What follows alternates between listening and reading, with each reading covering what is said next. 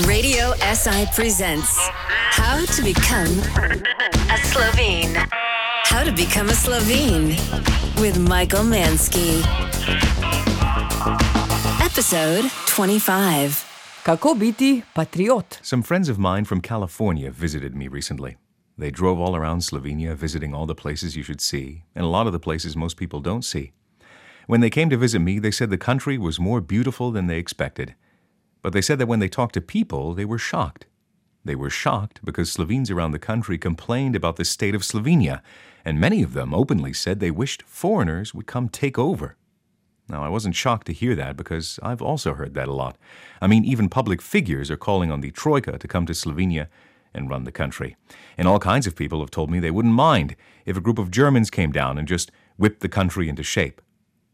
Now, I can't tell you how bizarre that is. Let's try an experiment. What would happen if, let's say, a Slovene in the United States said that the Troika should come to Washington, or that Germans should come, or someone else?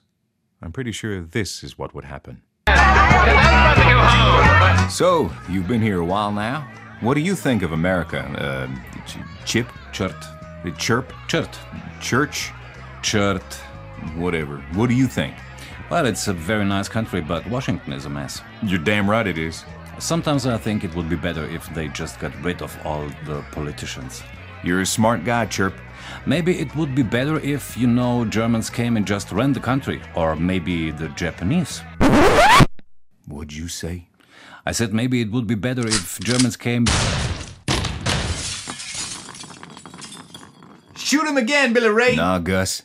I think one shotgun blast to the face was enough for this fucking Slovakian. Just hope he learned his lesson.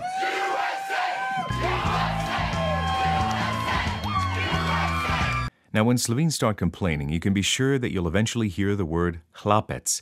Hlapec means serf, and it worked its way into the national consciousness via the Slovenian author Ivan Cankar. Cankar published Hlapci in 1910, and it includes a line that is known to everyone in the country. Hlapci, za hlapce rojeni, za hlapce vzgojeni. Man, do I hate that. But what does it mean? Talk to Slovenes for long enough, and they will eventually, angrily tell you that Slovenes are chlapci. Here's something that happens to me all the time when I'm out with friends. In zdaj bo on zaslužil 15 tisoč evrov na mesec, firma pa je uničena, ljudje nič ne delajo. Tako je, slovenci so hlapci. Kako misliš? Si ti hlapec? Ne, jaz ne, slovenci so hlapci.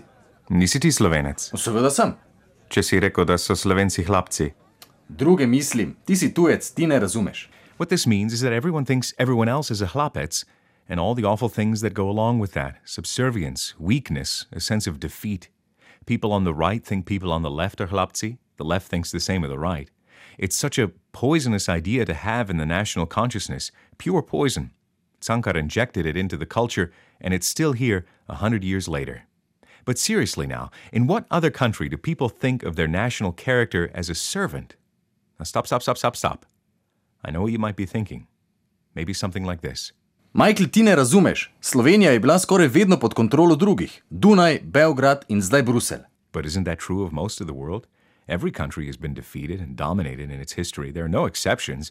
Croatia was also dominated by Austria for a long time, but I still haven't found a Croatian who thinks Croats are weak or made to be ruled.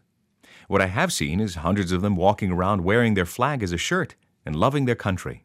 Now, as a foreigner, obviously I'm happy that people aren't hyper patriotic and eager to kick foreign ass, but it's weird to be in a country where people have such a negative view of each other and of the national character. I'll tell you this I've been here for many years and never once met anyone I would call a hlapec. So, I don't know where they are, but I'm pretty sure they're not here. How to Become a Slovene. How to Become a Slovene. Presented by Michael Manske. Only on Radio SI.